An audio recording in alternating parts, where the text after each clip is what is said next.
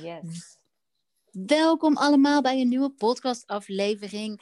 Mijn naam is Hanneke en vandaag is mijn gast Jip.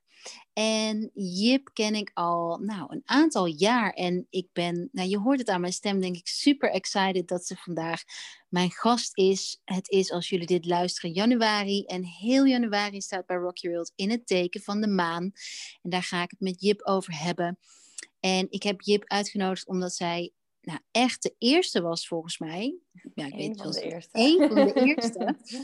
die bezig was met die vier fases binnen de vrouwelijke cyclus. En die daar Instagram cursus over had. En die zich daarin heeft verdiept. En iets wat twee jaar later, drie jaar later. Um, nou ja, zoveel aandacht heeft gekregen. Maar ook het zo verdient om de aandacht te krijgen. Dus daar wil ik haar alles over vragen. Um, Jip heeft een zeer succesvolle praktijk waarin ze vrouwen helpt um, hormonale balans terug te krijgen, te verbeteren. Daar wil ik het een stukje over hebben en wat de relatie is tot de maan en je hormonen. Welkom Jip. Ja, dankjewel. Leuk dat ik er mag zijn. Ja, ik vind, uh, ik zei het al in ons intro-gesprekje samen voordat ik de opname startte. Ik vind jou mega inspirerend um, op Instagram, omdat je open bent. Je neemt mensen echt mee in jouw journey, die, die volgens mij niet altijd lineair is. Zeker. En uh, uh, soms ook wel pittig en rocky is. En wat ik ook heel leuk vind, is waar ik altijd heel blij voor ben, voor, van word en ook heb gedaan, zijn jouw korte workouts. Um, ja, ik vind je gewoon een heel fijn, oprecht, echt een authentiek mens op Insta. Ah, zo lief deze woorden. Dankjewel. Alsjeblieft. Dit, uh, ja, dit waardeer ik natuurlijk super erg. En um, ja, het is ook wel wat je, wat je zegt, is ook wel hetgeen wat ik probeer neer te zetten. Um, ik heb op een gegeven moment een paar jaar geleden met mezelf afgesproken van... als ik alle goede dingen op Instagram deel, dan ga ik ook alle um, ja, meer rocky dingen delen. waar ik mee te maken heb. En eigenlijk mensen inderdaad meenemen in mijn, ja, in mijn eigen reis naar um, ja, dichter bij mezelf komen. En uh, ondertussen is dat al een hele reis geweest. maar um, ja, dus het doet me goed om te horen dat het uh, ook zo overkomt. En wat betekent dichter bij jezelf komen voor jou? Um, nou, voor mij is het een hele, ja, sowieso een hele goede vraag. maar voor mij is het echt een, ja, ik weet niet. Het is niet dat ik het idee heb van er komt een dag en dat ik kan zeggen van dit ben ik en dat blijf ik de rest van mijn leven. Ik denk dat dat wel een ongoing proces is. En blijft, dus je blijft jezelf ontwikkelen. Dus um, ik denk niet dat, um, ja, dat er één jip op een bepaalde manier bestaat en uh, daarna verander ik nooit meer natuurlijk. Uh, nee. Maar ik denk wel dat het voor mij betekent um, mijn hart volgen en gewoon echt doen wat goed voelt en wat uh, ja, authentiek voelt voor mij. Ja, en, en betekent het ook, want je bent een vis, als ik me niet vergis. Ja. betekent het ook, uh, vissen kunnen namelijk heel makkelijk energie van een ander overnemen, emoties van een ander overnemen, waardoor ze een beetje in de war raken. Betekent dicht bij jezelf blijven dat je ook kiest om uh, de energie van een ander soms af te stoten, of energie die je, uh, die je in de war brengt af te stoten, of, of juist, hoe zie jij dat? Um, ja, dit is wel echt inderdaad een, um, ja, een super kenmerk voor vissen natuurlijk. Ik heb er vroeger heel wat ja, problemen, wil ik niet zeggen, mee gehad. Maar ik snapte nooit waar inderdaad bepaalde gevoelens vandaan kwamen. Omdat ik dan dacht, ja, ik voel me zo, voel me zo down. En um, ik heb zelf eigenlijk niks om down over te zijn. Dus waarom voel ik me zo? En ja. ik kwam er inderdaad later pas achter dat dat dus komt omdat ja, ik heel erg sterk vooral emoties overneem van anderen. Mm -hmm. Dus ja, het is voor mij ook inderdaad wel uh, in mijn eigen energie blijven. Het was voor mij eerst altijd heel erg uh, onbewust. Ik nam alles op van iedereen, elke soort energie. Dus ja, dat gaat dan maar door je lijf heen allemaal. En daardoor voelde ik me ook echt niet verbonden met mezelf. Mm -hmm. En um, ja, ik denk voor mij de laatste jaren is ook wel echt een, uh, een, um, een les geweest om inderdaad dicht bij mezelf te blijven staan. Um, en daarbij inderdaad mijn energie te beschermen. Ik gebruik het wel, want ik vind het ook echt een hele mooie kracht. Zeker. Energieën van anderen te gebruiken of emoties heel sterk bij anderen te voelen. Ehm, maar ik heb wel echt moeten leren dat ik het ook weer van me af uh, moet zetten. En, ehm, en heel soms mezelf ook inderdaad moet beschermen voor sommige hevige energieën. En hoe doe je dat dan? Hoe bescherm jij je? Ja, ik doe het eigenlijk heel veel tegenwoordig onbewust. Maar ik heb het een tijdje heel bewust gedaan door echt een soort van ja, een bubbel te visualiseren. over mezelf heen. Uh, maar door andere energieën eigenlijk niet mijn, uh, mijn eigen veld zeg maar in kunnen. Ja. Um, en nu doe ik het eigenlijk wat minder bewust, maar ik kan wel gewoon heel goed nu, wanneer ik de deur bij een cliënt hier zeg maar achter de deur dicht, of ja, achter de kont dichtgooi, dat ik echt ook heel eventjes een momentje heb van, oké, nu gaat alle energie weer weg. En daarnaast wat bij mij heel erg helpt is bewegen. Ja, dat dacht ik. Ja, ja, dansen hè, dansen. ja, ja, het is zo mooi ook. Ja, um, dieren doen natuurlijk heel erg spanning uit hun lijf schudden. Ja. En dat is ook wat, mij, wat voor mij dansen is. Ja, is die, bewe is die energie, ja, hoe noem je het, in beweging krijgen, waardoor je het los kan laten. En we zitten zoveel in ons hoofd om iets los te laten. Terwijl bewegen. Ja, ja dat kan er letterlijk voor zorgen. De beweging zorgt dat de energie weer kan stromen, inderdaad. Ja. ja. Dus dat gebruik ik wel heel veel, ja. En hoe heb je een bepaalde, mm, daar is iedereen altijd super benieuwd naar. Ik weet niet of je het doet, maar heb je een bepaalde volgorde in hoe je de dag begint? Um, ik heb heel lang een ochtendroutine gehad, maar eigenlijk doe ik het de laatste tijd een beetje intuïtief. Um, ik begin eigenlijk wel vaak, ik sta vaak rond zes uur op, dus wel vroeg, vind ik heel lekker. Um, zodat ik gewoon de dag rustig kan beginnen. Dat is voor mij wel een hele belangrijke. Dus niet dat ik, ehm, als ik om negen uur een cliënt heb, zeg maar om kwart over acht mijn bed uitkom en dan moet gaan rennen. Daar word ik heel onrustig van. Dan blijf ik heel de dag in zo'n ja, in zo'n stress zitten eigenlijk, in die haast. Ehm, dus ik sta wel heel vroeg op en meestal ga ik rond een uur of zeven ga ik dan sporten. Verschilt een beetje Elke dag? Nee, ik, uh, ik ga denk ik drie à vier dagen in de week. En op die andere dagen dan ga ik soms wandelen. En nu in de winter vind ik het wel heel donker zo vroeg. Dus ik ga ja. niet buiten wandelen. Dat doe ik in de zomer en lente dan wel. Uh, maar nu neem ik eigenlijk gewoon de tijd om even lekker te douchen, theetje te drinken. En um, ja, gewoon rustig op te starten. Misschien nog even een boekje lezen. Het uh, verschilt een beetje per dag. Ik doe dat nu meer intuïtief, ja. En, en drink je koffie? Um, ik drink, ja, ik drink koffie, maar ik drink altijd decafé. En merk je daar een verschil? Want ik ben een heel groot fan van mensen bewust maken van koffie. Dit is wat ik dagelijks in mijn praktijk doe. mensen bewust maken van hun koffie uh, in intake. Ja, nee, um, heel groot verschil. Ik heb echt tot, nou, laat ik zeggen, vorig jaar, vorig jaar september, echt nog heel hoog in mijn stress gezeten. Ondanks mhm. dat ik het wel los probeerde te laten. Maar um, ja, de dingen die dat eigenlijk tegenhielden bij mij waren bijvoorbeeld cafeïne. Um, suikers ook wel heel erg. Um, ja, maar cafeïne was voor mij wel echt een eye-opener. Toen ik echt merkte van oké, cafeïne dat, dat stimuleert eigenlijk gewoon je cortisol, dus letterlijk je stresshormoon. Um, dus eigenlijk als je al begint met koffie, dan uh, verhoogt je stresshormoon gewoon al in de ochtend. En toen ben ik echt gestopt, even helemaal gestopt met koffie drinken. En nu mhm. drink ik denk ik um, ja, dagelijks uh, op dit moment heb ik geen koffieapparaat meer thuis, maar die, is, uh, die is even weg. Maar uh, als ik die heb, dan drink ik dagelijks wel een kopje decaf. En van een bepaald merk? ik heb meestal gewoon Nespresso eigenlijk. Oké. En, en wat is het allergrootste verschil wat je hebt gemerkt? Um, nou, ik werd letterlijk, als ik twee kopjes koffie op had, dan gingen mijn handen trillen. Dus dan was ik letterlijk gewoon aan het shaken heel de dag. En ik kreeg er ook een heel erg zenuwachtig gevoel van. En eh, het gevoel van hartkloppingen. En dan niet echt hartkloppingen, maar wel alsof gewoon mijn hart... Ja, ik weet niet, dus het werd heel onrustig ehm, ja, rond die, zou ik het chakra noemen? ja. En ehm, ja, ik werd er heel onrustig van. Dus dat was letterlijk gewoon, ja, dat, uh, dat aanstaan. Ja, ik werd er gewoon niet goed. Mijn lichaam reageerde gewoon echt niet goed op. Dus dat was wel de grootste... Ehm, ja, trigger die uh, cafeïne op mij had. Dus sinds ik daarmee gestopt ben, heb ik daar eigenlijk nooit meer last van. En dat raad je ook aan je cliënten aan en dan zie je ook echt verschil. Krijg je daar wel eens iets over terug?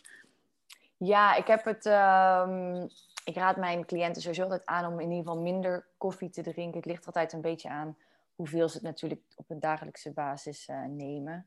Maar ehm, e-, één kopje koffie denk ik altijd van dat, dat moet altijd wel gewoon kunnen.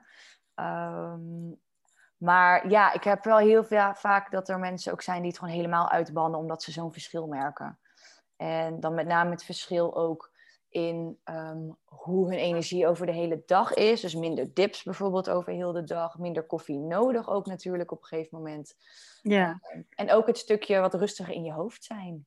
Ja, het is grappig dat we het hier vandaag zo over hebben. Ik heb sinds hele lange tijd heb ik vandaag een tweede kopje koffie op.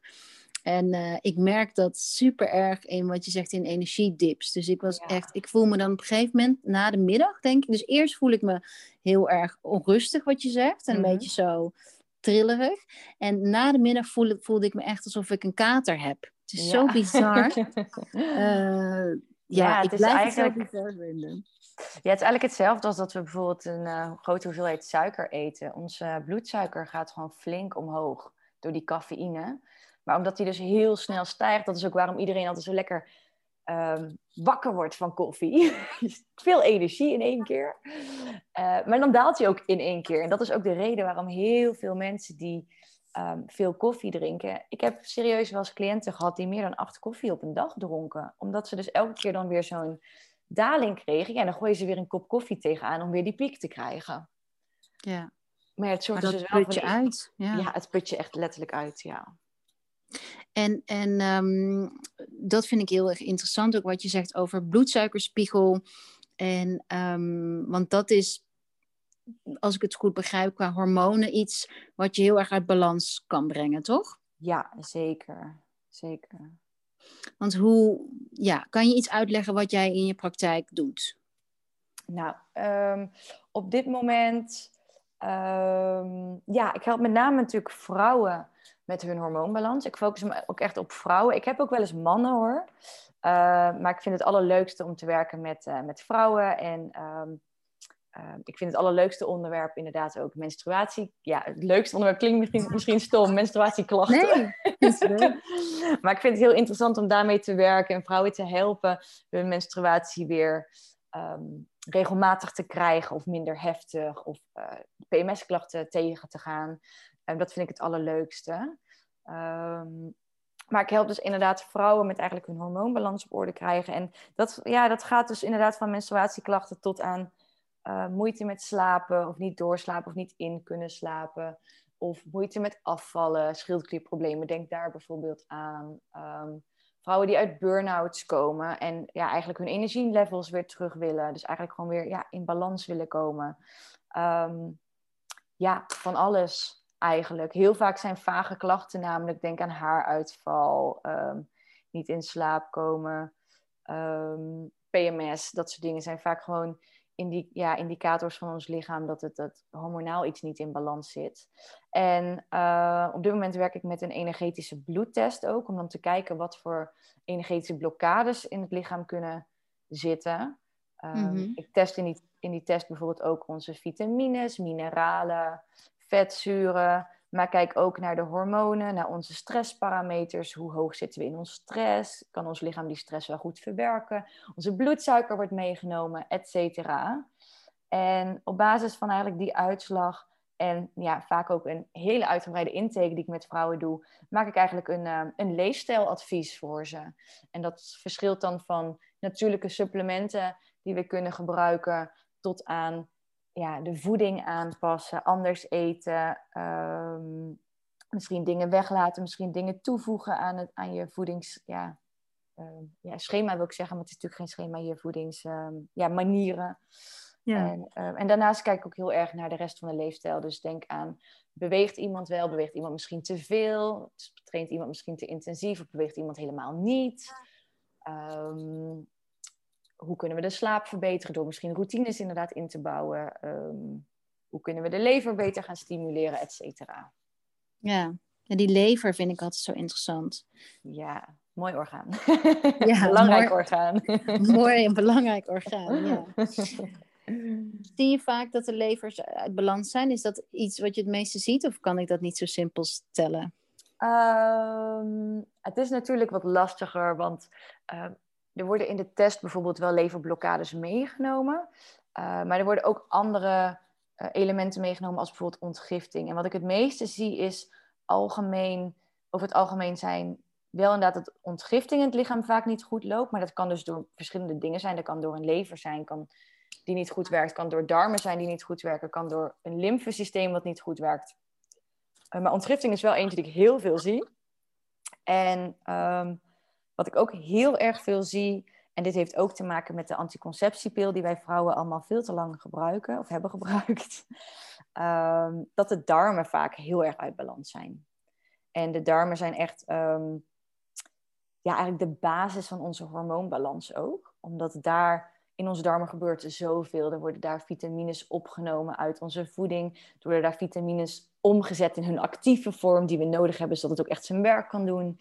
Er wordt daar nou ja, serotonine, een van onze gelukshormonen, uh, wordt daar bijvoorbeeld omgezet ook in melatonine, dus ons slaaphormoon. Er gebeurt van alles in die darmen. Ook die darmflora is belangrijk voor de weerstand, et cetera. Het begint daar ook al met ontgiften in ons lichaam. Dus wat ik heel veel zie, is dat uh, darmproblemen vaak een onderliggend probleem zijn voor ja, andere klachten. Denk aan bijvoorbeeld huidklachten, uh, astmatische klachten of andere manieren waarop je lichaam afvalstoffen kwijt probeert te raken. Maar ook van onze hormoonbalans. Omdat onze hormonen ook door ons ontgiftingssysteem uh, moeten worden afgebroken en uit ons lichaam ook weer verwijderd moeten worden. Dus vaak die darmen, dat is wel echt een hele grote die ik veel zie. En wat is dan, wat zou voor de luisteraar een tip zijn die ze alvast kunnen toepassen? Als ze denkt, oh, misschien, misschien kunnen mijn darmen ook wel wat hulp gebruiken. Iets wat we uh, allemaal makkelijk kunnen doen. Iets wat we allemaal makkelijk kunnen doen. Um, Minder koffie drinken. dat dacht ik al, ja. Dat is er sowieso één. Meer water drinken, dat ook zeker. Um, ja, eigenlijk wat ook heel, wat heel veel speelt, is uitzoeken waar je wel en niet tegen kunt qua voeding. Dus eigenlijk intolerantietesten en dergelijke. Omdat wij vaak, ik zie heel veel in mijn praktijk dat eigenlijk heel veel mensen stiekem een intolerantie voor iets hebben en dat weten ze niet. En als je dan constant elke dag, nou laten we zeggen bijvoorbeeld soja eet of gluten eet, waar je er eigenlijk sensitief voor bent, dan prikkelt dat de darmen en kan dat ontstekingen in de darmen veroorzaken. Dus daar begint ook echt vaak al heel veel. Um, ja. Ja, en de makkelijke dingen zijn inderdaad meer water drinken, meer vezels eten, zodat het allemaal goed daar verloopt. Um, als je iets van medicatie of zo gebruikt, daar probiotica of prebiotica naast gebruiken. Alleen zou ik daarbij wel weer een specialist in um, ja, om advies vragen, omdat niet elke probiotica weer goed past bij iemand. Dus, um, dus ja, bij de, bij, ja, de basisdingetjes eigenlijk gewoon natuurlijk eten, veel groentes, vezels, veel water drinken. En misschien ook, eigenlijk heel belangrijk, ook stressreductie. Stress, zeker, ja, heb je zeker gelijk in. Want stress prikkelt onze darmen inderdaad ook. En is de anticonceptiepil, die noemde je ook in relatie tot de darmen, is dat iets wat onze darmen stress geeft? Ja, het is toch een medicatie uh, het moet in onze darmen worden afgebroken en vervolgens in de lever. Dus um, buiten dat de anticonceptiepil, wat ook heel veel vrouwen niet weten, is dat als wij de anticonceptiepil gebruiken, worden er meer vitamines um, in ons lichaam verbruikt. Um, waardoor heel vaak ook tekorten ontstaan. Uh, maar daarnaast prikkelt het ook onze darmen. Ja. ja. En, en hoe, de vraag die ik meest gesteld krijg, en jij waarschijnlijk ook, is wat gebruik je als uh, vervanging? Voor anticonceptiepil? Ja. um, ik ben eerst eigenlijk, toen ik stopte met de pil, heb ik eerst mijn lichaam eigenlijk een half jaar even laten ja, bijkomen ervan. Toen ben ik overgestapt op de koperspiraal. Um, wat op zich, wat, wat ik vaak wel een goede overstap vind van cliënten. Uh, nou ging ik er persoonlijk niet zo heel goed op de koperspiraal. Dat verschilt ook weer echt per persoon welke anticonceptie bij je past hoor. Dus dat zeg ik er wel echt bij. Het verschilt echt per persoon. De ene um, gaat heel goed met een hormoonspiraal. De ander gaat heel goed met een koperspiraal. De ander heeft helemaal geen last van de anticonceptiepil. De ander juist weer heel veel. Um, maar ik ben toen overstap naar de koperspiraal. En toen eigenlijk ben ik vanaf toen ook mijn cyclus gaan tracken. Dus ja, dat is ondertussen... Je zei het net ook al, toen ik met de cyclus begon te leven en daarnaar te kijken, of ja, meer over te leren, dat is zo'n tweeënhalf jaar geleden, misschien drie jaar geleden. Toen zat ik ook aan de koperspiraal, dus ik was tegelijkertijd mijn cyclus aan het leren kennen. En eigenlijk nu gebruik ik helemaal niks. Nu gebruik ik, ehm, ja, ik doe het op een natuurlijke manier met een uh, thermometer en ik hou mijn cyclus bij. Ja, en gebruik jij de thermometer van Natural Cycle of van Daisy? Ik heb hem van Natural Cycle, maar ik gebruik Natural Cycle, de app zelf niet meer. Ehm, die heb ik al heel lang dus gehad toen ik um, startte ermee. Dat was voor mij een hele goede opstap. Maar ik heb nu eigenlijk zelf een... ja, ik heb die ook in mijn e-book zitten. Ehm, voor de luisteraar, ik heb een e-book geschreven ook over het leven naar je cyclus. Ehm, daar heb ik eigenlijk een eigen grafiek gemaakt waarin ik alles bijhoud. Dus ik doe het eigenlijk handmatig, dus ik schrijf het gewoon met de hand op. En um, doe dat meestal s'avonds. Dan kijk ik eventjes wat mijn temperatuur van de ochtend was. Schrijf ik even op wat mijn symptomen waren. En uh, ja, op, ja, op dat moment heb ik dan even een momentje om uh, even stil te staan bij mijn cyclus. En en die vier fases, um, ik vind dat in de praktijk ook nog best wel, kan het ook heel groot zijn. Dat kom ik veel tegen. Um, waarin wij, omdat het waarschijnlijk ons werk is, sommige dingen zo automatisch doen. Mm-hmm. Maar het kan ook best wel um, overweldigend zijn om rekening te houden per week. Wat je, wel, wat, wat je beter kunt eten om, die, om je cyclus te ondersteunen en wat niet. Hoe, hoe zie jij dat? Hoe, hoe vertel jij dat je cliënten? Of heb, ga je niet per week ehm, een advies? Nee, ik heb het. Um, de meeste cliënten die ik op dit moment help, die help ik echt eerst met de basis. Okay. de basis van hun hormoonbalans. Dus ik begin meestal niet meteen met leven naar je cyclus. Dus voor heel veel ook echt too much in één keer. Ja. Want eerst hebben ze gewoon nog heel veel klachten met... Ja, laten we gewoon eerst proberen uh, te kijken hoe we je voeding um, hoe we een goede steady basis voor jouw voeding kunnen creëren. Dus, en daarmee bedoel ik dan dat je een beetje een 80-20 regel hebt. Dus dat je gewoon 20, ja, 20% lekker geniet. Af en toe wijntje drinken, af en toe frietje eten. Heerlijk. Moet er gewoon bij kunnen natuurlijk. En dat je voor 80% wel um, leert en doorkrijgt wat voor jouw lijf werkt qua voeding. Dus denk bijvoorbeeld, ik heb sommige cliënten die bleken best wel een glutenintolerantie te hebben. Dan gaan we de gluten eventjes eruit halen. Gaan we kijken hoe ze daarop reageert gaan we langzaam ook weer wat dingetjes toevoegen. Kijken van hoeveel, hoeveel kun je er nou van eten, um, zonder dat je er klachten van krijgt. En als we dan een steady basis voor zichzelf hebben gevonden met, nou, ik eet graag zoveel gram groentjes op een dag, dat voelt goed. Ik heb mijn fruitjes, ik heb mijn, um, nou, ik eet 80% glutenvrij bij wijze van, uh, want dat voelt voor die persoon goed. Als ze dat dan onder de knie hebben, dan pas zou ik bijvoorbeeld doorgaan echt naar, naar de fases. Omdat je anders Ehm, ja, als jouw voeding de basis al niet helemaal op orde is, dan is het inderdaad, zoals je zegt, een heel groot ding om het dan ook nog eens per week te gaan checken. Wat je en daar krijg je stress van. En daar krijg je heel veel stress van, ja. Dus wat ik eigenlijk. Dat willen we voorkomen. Dat willen we echt. Dat is stress. Ladies, als jullie luisteren, stress is de allergrootste hormonale ja, disruptor, verstoorder van allemaal. Dus je kan nog zo gezond eten. Als jij uh, eh, 100% gezond eet, nooit iets snoept, nooit iets, een wijntje neemt of iets, maar je hebt stress ernaast, dan kan jij ongezonder zijn dan iemand die ongezond eet en geen stress ervaart. Ja. Het is een hele harde om zo te zeggen, maar het is echt. ja, ja, dat is natuurlijk ook uh, ja, mijn missie om, um, ja, om je ook heel erg bewust te worden van stress. En dat is denk ik een mooi haakje voor de maan, omdat deze maand dus zo in het teken staat van de maan. En het voor mij persoonlijk, um, ja, dat, dat, onderzoeken van wat geeft je stress of, en het ook omzetten, loslaten, um, je focus steeds weer terugbrengen op datgene je wel wilt en mm wat je energie geeft, dat zijn voor mij, daar zijn de maanfases en dan met name de volle en de nieuwe maan, zo'n hele handige tool bij voor die maandelijkse incheckmomenten. Ja. Hoe zie jij dat? Hoe ga jij om met de maan? Hoe, wat betekent de maan voor jou?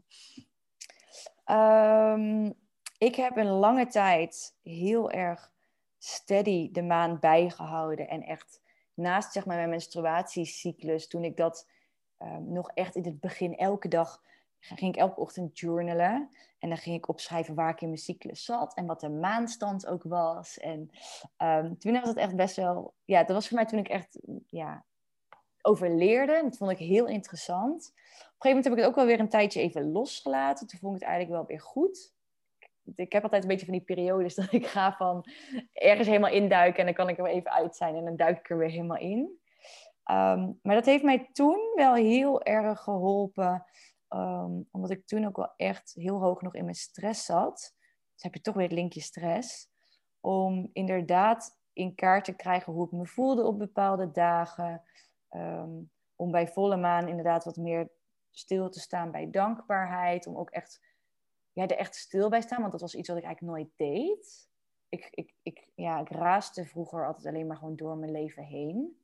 Dus vooral de volle maan is voor mij wel echt een. Ehm, ja, dat heeft mij wel echt geleerd om wat vaker stil te staan bij dankbaarheid. Dus wat ik nu zelf doe. Ehm, toen was ik echt bezig met bijna elke fase van de maan. Want er zijn natuurlijk uh, veel, veel fases. Ja. um, nu, sta ik, nu werk ik eigenlijk echt meer met de volle en de nieuwe maan. en dat is voor mij echt puur om, ja, om dan eventjes ja, stil te staan bij de, de afgelopen maand of bij waar ik dan ben op dat moment in de, in de maand. En um, ja, dat geeft mij ook wel inderdaad rust. Ja, ja wat, ik, wat ik veel zie en waarom ik ook de Selfcare Journal heb ontwikkeld, is, is dat stress vaak voorkomt uit onszelf niet kennen. Waardoor bijvoorbeeld een gevolg dat van doorrazen, dat dat daar een gevolg van is. Ja. En op het moment dat je uh, jezelf beter leert kennen. En, en ik herken heel, heel erg wat je zegt. En dat zie ik ook in de, van bij mezelf en in de praktijk. Van hoe het je in het begin van je zelfonderzoek zo kan helpen om echt uh, nou, best wel steady te journalen. Steady, steady erin te duiken in de materie. Uh, om zodoende te leren. En dat je dan gaandeweg, ik hoorde je ook al zeggen, nu doe ik mijn ochtendroutine op intuïtie en, um, en je dat loslaten, dus je grens aangeven, gaat ook meer volgens mij, hoef je minder bewust te doen. Ja. Um, is wat ik merk dat je, ja, dat je op een gegeven moment eigenlijk het echt, nou ja, zoals het hoort, of niet, nee, nee zoals, niet zoals het hoort, maar dat je dus routine krijgt in die self-care practices, waardoor het um, ja, een automatisme wordt. Ja, ja, zeker. Ja, voor mij ook zoals je zegt, dit is ook bijvoorbeeld, um, ja, ik werk natuurlijk met mijn cliënten, maar dit is waar ik ook met zij, met hen naar, um, ja, bijvoorbeeld voeding en leefstijl naartoe werk. Het gaat altijd om, in het begin moet je eventjes ergens inderdaad helemaal induiken en moet je er elke dag bewust mee bezig zijn, tot je op een gegeven moment bijna niet meer bijna hoeft te denken. Ja.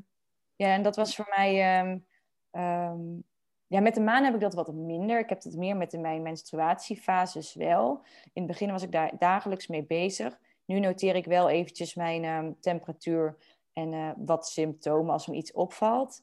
Maar eigenlijk ben ik daar ook niet dagelijks meer mee bezig. Ik weet nu een beetje ook op gevoel wat ik wanneer moet doen. Of waar ik dan ja, op dat moment behoefte aan heb qua voeding. Of um, ja, ik hoef daar ook niet meer dagelijks bij na te denken. Het kost wat tijd.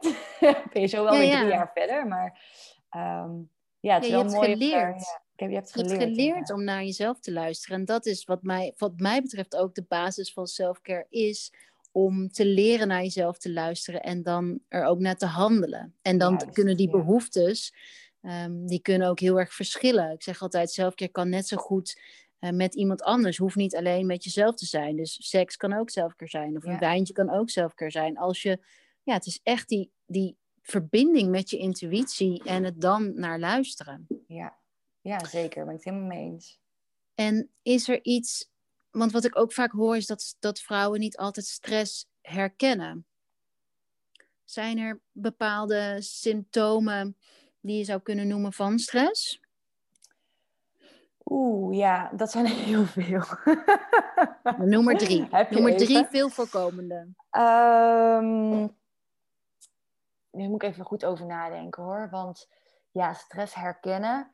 Ehm, je hebt natuurlijk verschillende soorten vormen van stress. Ik verdeel ze altijd in mentale stress en fysieke stress. Ehm, met fysieke stress bedoel ik, eh, bedoel ik natuurlijk echt bijvoorbeeld dat je vitamine-tekorten hebt, dat je te weinig water drinkt. Dat zorgt ook allemaal voor dat die cortisol omhoog komt, dat alles niet goed kan functioneren in je lijf. Uh, mentale stress is natuurlijk echt druk op werk, perfectionisme. Um, ja, ik snap wel ergens wat je bedoelt met dat mensen misschien soms niet doorhebben dat ze heel erg gestrest zijn. Ik heb ook heel veel cliënten die als ze dan hun testuitslag zien, dat ze echt schrikken als ze naar de stressparameters kijken. Ja. Maar de meest voorkomende um, klachten, denk ik, als ik, ik ga even naar mijn praktijk kijken nu. Hè. Ik durf het niet te zeggen over overal, maar in, wat ik in mijn praktijk zie is toch een menstruatie die onregelmatig is. Ja. Ehm, haaruitval, ook veel. En ehm, ik denk ook de lack of focus en de mist in je hoofd Ja. hebben. Ik denk dat dat wel drie grote zijn die vaak voorkomen. Ja, en dan heb je nog de dingen als vermoeidheid, maar dat zijn ook wel. ehm, ja, het, het is altijd een beetje lastig met dit soort vage klachten, want vaak komen ze ehm, vanuit één onderliggend probleem. En meestal is dat onderliggend probleem wel ook weer verbonden met stress. Dus ja, je- Ja. heel veel symptomen eigenlijk. Ik zeg altijd, als je gewoon va heel veel vage klachten ervaart, ehm, als niet goed kunnen slapen, mo- moeilijk in slaap, moeilijk in slaap komen is ook een hele goeie. Moeilijk in slaap komen, moeite met afvallen, onregelmatige cyclus, eh, mist in je hoofd, je niet helemaal connected met jezelf voelen. Dat soort vage klachten allemaal zijn vaak wel te relateren aan stress op de een of andere Ja. manier. En je hebt dit jaar ook voor het eerst kennis gemaakt met Ayurveda, toch? Of was dat niet voor het eerst? Jawel, was voor het eerst, ja. Ja. Vond je dat een mooie toevoeging? Ik vind het zo interessant. Ik heb me er nou echt door de drukte in mijn praktijk niet helemaal, helemaal in kunnen duiken. Nog niet. Maar ik doe het af en toe met stapjes. Maar ik vond het wel heel leuk, want ik heb heel erg in mijn opleiding heel veel dingen geleerd over voeding. En over ehm, beweging en wat dan ook. Maar ik vond Ayurveda zo'n mooie toevoeging in alles. Omdat ik toch best wel vaak mensen heb met bijvoorbeeld een vertering die niet helemaal goed loopt. En als ik dan ga kijken naar wat ik in mijn opleiding heb geleerd, of wat ik dan van andere bijvoorbeeld therapeuten hoor, is dat er vaak dan enzymen en dat soort dingen worden ingezet. Maar ik leerde bij Ayurveda dat je zo makkelijk gember, een gemberkuur kan inzetten, heetwaterkuur. Een, ehm, dus je moet gaan kijken naar hoe je ehm, voeding ehm, gecombineerd is. Ja. Allemaal dat soort dingen. En omdat ik best wel veel vrouwen dus met darmklachten heb en verteringsproblemen, heb ik dat echt wel in mijn adviezen neem ik dat echt mee. Ik vind dat echt heel interessant. Toch een soort andere kijk. Ja, mooi. Ja, dat heb ik natuurlijk weer met jou kijk. Over, ehm, ja, het is heel mooi aanvullend. Want Ja. ik hoor jou natuurlijk zeggen over haaruitval, eh, onregelmatige cyclus. En dat zijn bijvoorbeeld klachten die gerelateerd zijn aan een vata-dosha. En eh, die is op dit moment, eh, ja, die is over het algemeen bij iedereen heel hoog. Mhm. Ehm, omdat die te maken heeft ook met stress en, en Ja. geen rust nemen. Eigenlijk gewoon continu, ook in, dat, dat kom ik ook vaak tegen, ook in routines, ook in selfcare routines kan dat zijn. Eigenlijk alles met haast willen doen. Dus bijvoorbeeld, ehm, eh, ja, ja, hoe moet ik zeggen? Ja, ehm, Snap wat je bedoelt? Zo van, ik heb tien minuten, ik moet nog even voor mezelf iets doen. Ja. Ehm, Ja. Let's go. ja, dat eigenlijk, eh, ja, let's go dat, dat, ook, ja, dat het ook gewoon geen rust meer geeft, inderdaad. Ja. Nee, en dat het, eh, ja, dat het doel voorbij gaat, ehm, omdat het zo, ja, omdat het niet met rust en aandacht soms is. Dat Ja. is wel eh, iets wat ik veel tegenkom. En bijvoorbeeld onregelmatige cyclus, eh, haaruitval, dat zijn dan teken van afbraak in het lichaam. Dus Ayurveda noemt alles opbouw of afbraak. ja. Dus mooi ook yin hoe je met het allemaal verwoorden. Hè? Ja. En eh, af, alles wat te maken heeft met afbraak ehm, wordt in eerste instantie gerelateerd met vata behandelen. Dus zo, ja, zo kijken zij daarna. Dus alles, eh, dus om, om, om je een voorbeeld te geven, PCOS zien zij als groei. Dat is Mhm. ehm, groei door een blokkade. Ja. Ehm, Waardoor er een, een eh, want PCOS is natuurlijk die vermeerdering van die Eicellen, ja. Eh, dus alles wat met vermeerdering te maken heeft, is, is bijvoorbeeld dan weer aan kaffa, water- en aarde-element gerelateerd. Oh, wauw. Mooi. Oh, dit Dus, is een goede ehm, voor mij om te weten dat PCOS onder kaffa valt. Ja, en dat is heel vaak e- energetisch dan weer te maken met eh, vasthouden aan emoties en vasthouden aan verdriet. ehm, dus, dus onbewust vooruitgang ehm, uit de weg gaan. Oh, dit vind ik wel een hele mooie, want ik heb ook echt, ik zie bijvoorbeeld heel vaak vrouwen die bijvoorbeeld endometriose hebben, Ja, ehm, dat ze vaak trauma's hebben, ook best wel heftige trauma's. Maar Ja. endometriose valt dan, lijkt mij ook onder kaffa, omdat je weefsels groeit. Ja precies. Ja, En, en dat is dan weer om het linkje met de maan bijvoorbeeld te maken. Ons, ons lichaam bestaat natuurlijk uit zoveel water. ja, En de maan trekt, we weten dat de maan trekt aan water vanwege eb en vloed. ja, Ehm, En de maan trekt daarbij ook aan onze emoties. En daardoor zijn er gewoon bepaalde fases binnen onze cycli, onze vrouwelijke cyclus, waarin het makkelijker is om iets los te laten. Uh, dan een andere fase. En bijvoorbeeld, ik merk zelf dat net voor mijn, uh, voordat ik ga bloeden, dat ik wat um, perfectionistischer ben. Mijn, mijn onbalans ligt ook vaak in controle willen houden. Daarom merk ik dat ik uit balans ben. En net voordat ik ongesteld ben, kan ik dan nog meer in dat zitten. In plaats van in de overgave van, van wat, wat bloeden van je vraagt. Die eerste paar dagen van die menstruatie staan natuurlijk voor ultieme rust. Ja, terug naar binnen keren. Ja, en, en ik ben, ja, precies. En ik ben zo benieuwd of je, of je dat ziet in je praktijk. Want ik zie PMS-klachten ook echt aan dat willen vasthouden van die yang-energie de hele tijd maar doen. Zie jij dat um, terug? Ja, definitely. Dit is, ik, zet, ik heb die link zelf heel eerlijk gezegd nog nooit gelegd. Maar nu je het zo zegt, denk ik, dit is zeker. Want de meeste personen met PMS-klachten, die zijn bij mij ook inderdaad meer perfectionistisch, vragen veel van zichzelf, leggen de lat hoog. Veel emoties waar ze zich aan vast. Ja, grappig nu je dit zegt. en ik zie, ook echt, dan ja. de link daarmee aan vrouwen die slecht kunnen slapen tijdens volle maan. Dat is vaak hetzelfde. Want volle maan ja, is al hoog in energie. En als ze van zichzelf dan ook inderdaad de lat al, altijd al hoog leggen, dan wordt het nog eens verdubbeld. Waardoor het, ja, waardoor het ook te veel kan zijn. Ja, ja, mooi. Ja, ja ik zie het ook heel, heel veel. Ja. Nou, dankjewel. Heb je nog een, een laatste tip? Wat zou, wat zou een koffie, omdat we zoveel over koffie hebben gehad, wat zou een goede vervanger zijn voor koffie? Uh, nou, ik heb zelf, wat ik zelf toen heb gebruikt toen ik stopte met koffie drinken, was eigenlijk, ik weet niet zo goed hoe je het uitspreekt, Chigori? Chigorij? Ja, ja. Chigorij. Ja. Um, ik wil het in het Engels zeggen. Chicory. Chicory, ja. Chicory. Um, ja, dat, dat is eigenlijk wel een hele goede vervanger. Dat is ook een soort van, het is van een soort wortel gemaakt. Ja. Um, daar kun je ook lattes en zo van maken. Dus als je het lekker met een uh, havermelk, baristaatje opwarmt, is het ook wel heel erg lekker. Het heeft een beetje de volle aroma van koffie. Kijk, het smaakt natuurlijk niet helemaal hetzelfde als koffie. Maar het was voor mij wel echt dat, toch wel een beetje dat ochtends dat warme, volle gevoel ja, dat vond ik wel heel lekker. Ja. Uh, ja, daarnaast, je hebt tegenwoordig zoveel koffievervangers. Je hebt ook van die soort van mushroom koffies. Ja. Uh, je zou zelfs, uh, wat heel veel mensen ook gebruiken in plaats van koffie, is bijvoorbeeld matcha. Maar daar zit dan wel weer cafeïne in, dus daar moet je dan wel weer mee oppa oppassen. Er zit geloof ik wel minder in dan in koffie, maar dat zou je even moeten ja. checken. Ja, ik heb er minder last van. Ja. Um, het is dan voor mensen die bijvoorbeeld die haaruitval hebben, dan weer niet heel handig, omdat het meer uh, stimuleert afbraak. Oh ja, nou, omdat uh, groene thee is uitdrogend. En ja, uh, als je dus die afbraak hebt, dan wil je alleen maar dingen die voedend zijn. Ja, zeker waar. Dus um, ja, en als je het drinkt, maar je hebt geen haaruitval, wel extra water bij drinken. Ja, ja goeie. Maar dat is dus een hele goede, goede praktische tip. Water naast, erbij. Ja, naast koffie zeg ik het ook meestal tegen mijn cliënten. Als je één koffie drinkt, glas water ernaast. Nou, ik zie echt aan mijn vriend, en dat wil hij niet horen. Uh, ik merk wanneer hij geen water heeft gedronken. Want dan wordt, dan wordt hij gewoon geïrriteerd. dan zeg ik, heb je überhaupt al water? Want hij is dus iemand die echt vergeet om water te drinken. En dan komt, er, komt hij erachter, oh nee, ik heb nog helemaal geen water gedronken. Maar het is zo interessant echt als je dit luistert. Om dat bij jezelf en ook bij de mensen in je omgeving te checken van...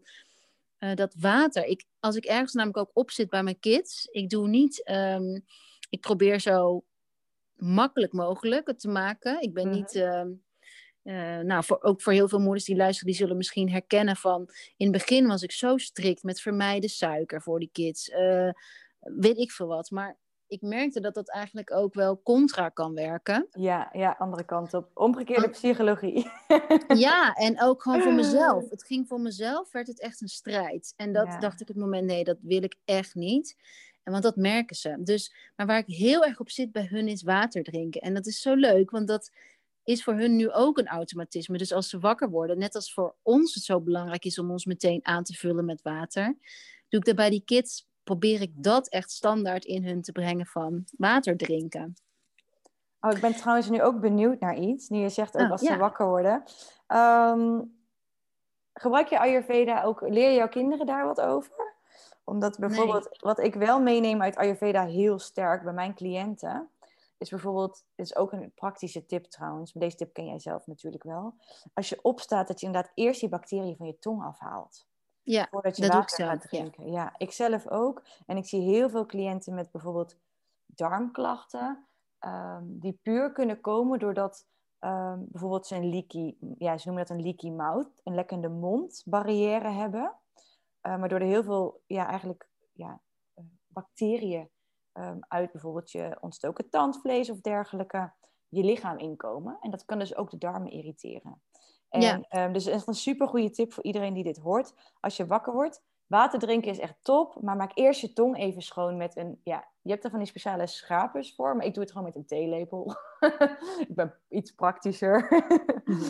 Ehm, en dan pas water te drinken. Want dat kan dus ook echt wel heel flink eh, schelen. Omdat dan niet al die bacteriën... ehm, eigenlijk die je lichaam verzamelt s'nachts... eh, om uit je lichaam te gooien... niet weer gewoon weer terug inslikt. Precies.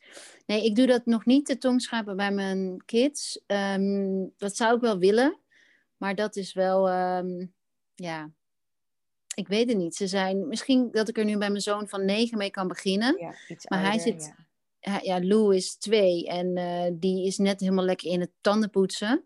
En eh maar Frits is negen en die, moet ik zeggen, die heeft nu al er- aversie tegen, eh, tegen zijn moeder. Als het gaat over yoga of over eh, dat soort dingen. En eh, ik wil hem daar niet te veel mee belasten. Nee, dus ik, ik.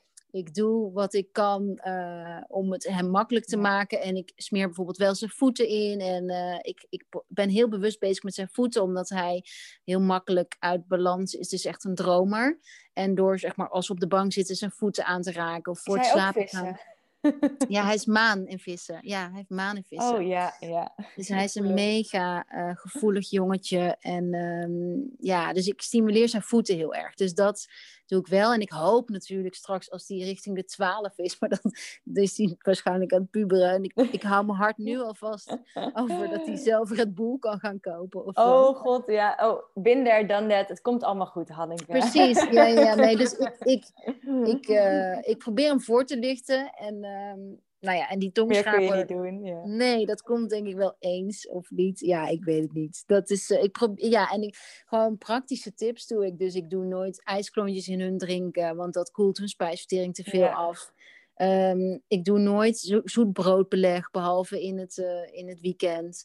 Dus ik probeer die suikers wel echt te categoriseren in, ehm, in een snoepje in de middag. En het leuke is dat mijn oudste zoon daar ook eigenlijk niet super naar eh, taan. Als het een keer niet is, dan zo, zo zegt hij er niks over. Dus dat is zo grappig. Dat, ja, ik heb gemerkt dat hoe minder aandacht, hoe beter eigenlijk. Ja, ja, dat wilde ik net zeggen inderdaad. Het is eigenlijk gewoon juist al die beetje spastische aandacht van mag, mag, mag niet. ja. Dat werkt averechts. Zoals je er eigenlijk geen aandacht aan, of nauwelijks aandacht aan besteedt en je laat het gewoon af en toe toe, dan werkt dat veel beter. Ja. Ja, dus ik zeg bijvoorbeeld wel, eh, nou, weet je waar je vlees vandaan komt of, of hoe, hoe en wat?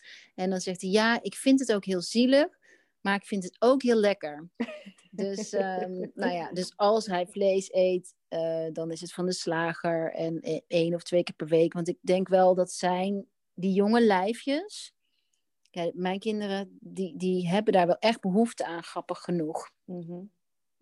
Dus dat, eh, en ei bijvoorbeeld, dat helpt hem ook heel erg met landen. Dus omdat Oh, hij ja, zo, ja, zo'n dromer is ehm, en zo vluchtig kan zijn, hij heeft bijvoorbeeld ook heel, heel makkelijk droge handen, dan helpen die extra proteïnen, dus als je weer teruggaat naar afbraak en opbouw, is Mhm. een proteïne helpt natuurlijk bij opbouw. Ja. Dus dan eh, ja, ben ik bijvoorbeeld heel blij als hij 's ochtends bij zijn ontbijt een ei eet. En ehm, soms eet hij alleen één ei. Maar dat, ja, of dan soms dan gooi ik er wat avocado bij of zo. En dan ja, ben ik daar zo blij mee, omdat, het, eh, omdat ik weet dat het hem. Ja, ik weet niet hoe jij dat in de praktijk ziet met, eh, met proteïne, maar ik, ik zie wel, ik denk wel dat dat hem helpt met ja, meer gronden. In plaats van als je een sugar rush hebt, ehm, door al een zoet ontbijt te hebben, dat hij, dat hij, zich, dat hij ook dat, dat all over the place heeft. Ja. Nee, ja, ik zie het. ehm, het is grappig dat je het zegt, want ik ben heel lang vegan geweest. Ja. Ehm, maar ik ben eigenlijk sinds een paar maanden, is het een paar maanden, misschien al bijna een jaar tijd vliegt. Maar ik eet weer af en toe, of eigenlijk twee keer per week vis. En dat houdt mij ook meer grounded. Ja, ja ik heb dat zelf ook. Ik ben Ja. ook best wel echt heel erg lang eh, alleen maar vegan, plantaardig, plantaardig gegeten. Maar omdat ik, ik ben heel makkelijk ook eh, in afbraak. Ja. Dus ehm, ook na je ook. bevalling eh, had ik echt afbraakverschijnselen, als in altijd onderrugpijn. Ehm, nou, en dat heeft het mij enorm geholpen om inderdaad ook weer, ehm, nou vis eet ik bijna niet, maar heel soms, maar bijvoorbeeld soms ei te eten. Ja, nee, dat helpt mij ook. Ja, en sowieso, ehm, inderdaad, zeker ook voor kinderen, die, die, die koolhydraten en sugar rush, dat kan inderdaad ook heel hun focus en alles natuurlijk weghalen. Dus ik ben ook echt in mijn praktijk, wat ik, wat ik zie, is dat ik heel vaak werk ook met mensen om hun ontbijt en hun lunch in ieder geval ehm, heel goed te laten bestaan uit eiwitten en vetten. Omdat dat dus inderdaad wel echt zorgt voor meer hier in het nu zijn. Ehm, het zorgt dat onze bloedsuiker stabiel blijft, dat we langer verzadigd zijn. Ehm, en dat geeft eigenlijk een, een, een betere kickstart dan dat je begint met, laten we zeggen, boterham met hagelslag en dan die kop koffie nog ernaast. Ja. Want dan begin je eigenlijk al ehm, ja, heel hoog, ja, heel erg in je hoofd. Ook meteen je stress wordt aangesproken. Je staat meteen aan wel, ja. maar dat duurt ook niet voor lang. Dus eigenlijk juist starten met eiwitten en vetten is inderdaad echt een, eh, ja, een hele goede, een hele goede tip voor iedereen ook eigenlijk. Ja. Oké, Jip, waar, kan, waar kunnen ze jou vinden? Nou, op heel veel plekken. Overal. Ehm, sowieso, overal. Sowieso ehm, mijn praktijk ehm, op dekrachtigevrouw.com. Dat is echt Mhm. mijn, eh, mijn website. Ik heb er ook een blog op, maar met name al mijn informatie over de praktijk staat en hoe ik te werk ga. Daarnaast heb ik een zakelijke Instagram, dat is @dekrachtigevrouw. Ehm, daar deel ik met name dingen over ehm, wat ik doe in de praktijk, over hormonen, over gezonde voeding, et cetera. En dan heb ik natuurlijk nog mijn privé Instagram, waar ik meer deel over ehm, vrouwelijke energie, terug je lichaam ingaan, mindset en de, ja, eigenlijk de, de reis die ik zelf afleg, waar we het in het begin ook over hadden. Dat is uh, Jip Isabel. Ja, leuk. Dankjewel. Ja, jij bedankt.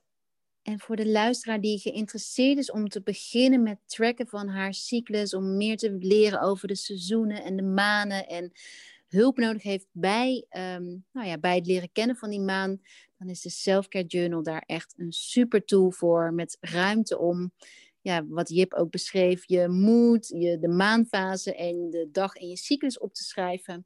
En die vind je op rockyourworld.nl onder boeken en meer. Alright. Dankjewel Jip. Ik ga, hem, ik ga hem stoppen. Ja, helemaal goed. Ik vond het heel leuk je te spreken. En uh, ja, bedankt ook weer voor... Ik krijg ook altijd weer inspiratie en insights van. Dus um, leuk, ja. Graag gedaan. Bye. Doei.